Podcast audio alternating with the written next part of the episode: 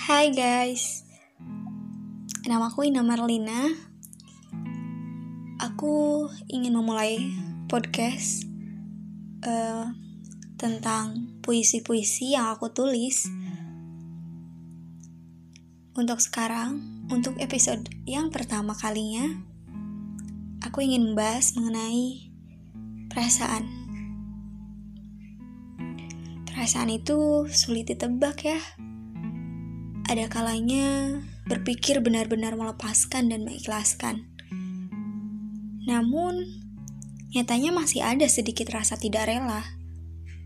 Bertahun-tahun kulewati tanpa bisa membuka hati lagi.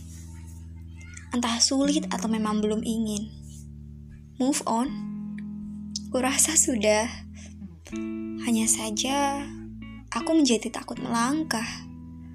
Aku berharap ada yang dapat meyakinkanku. Namun mereka sama saja.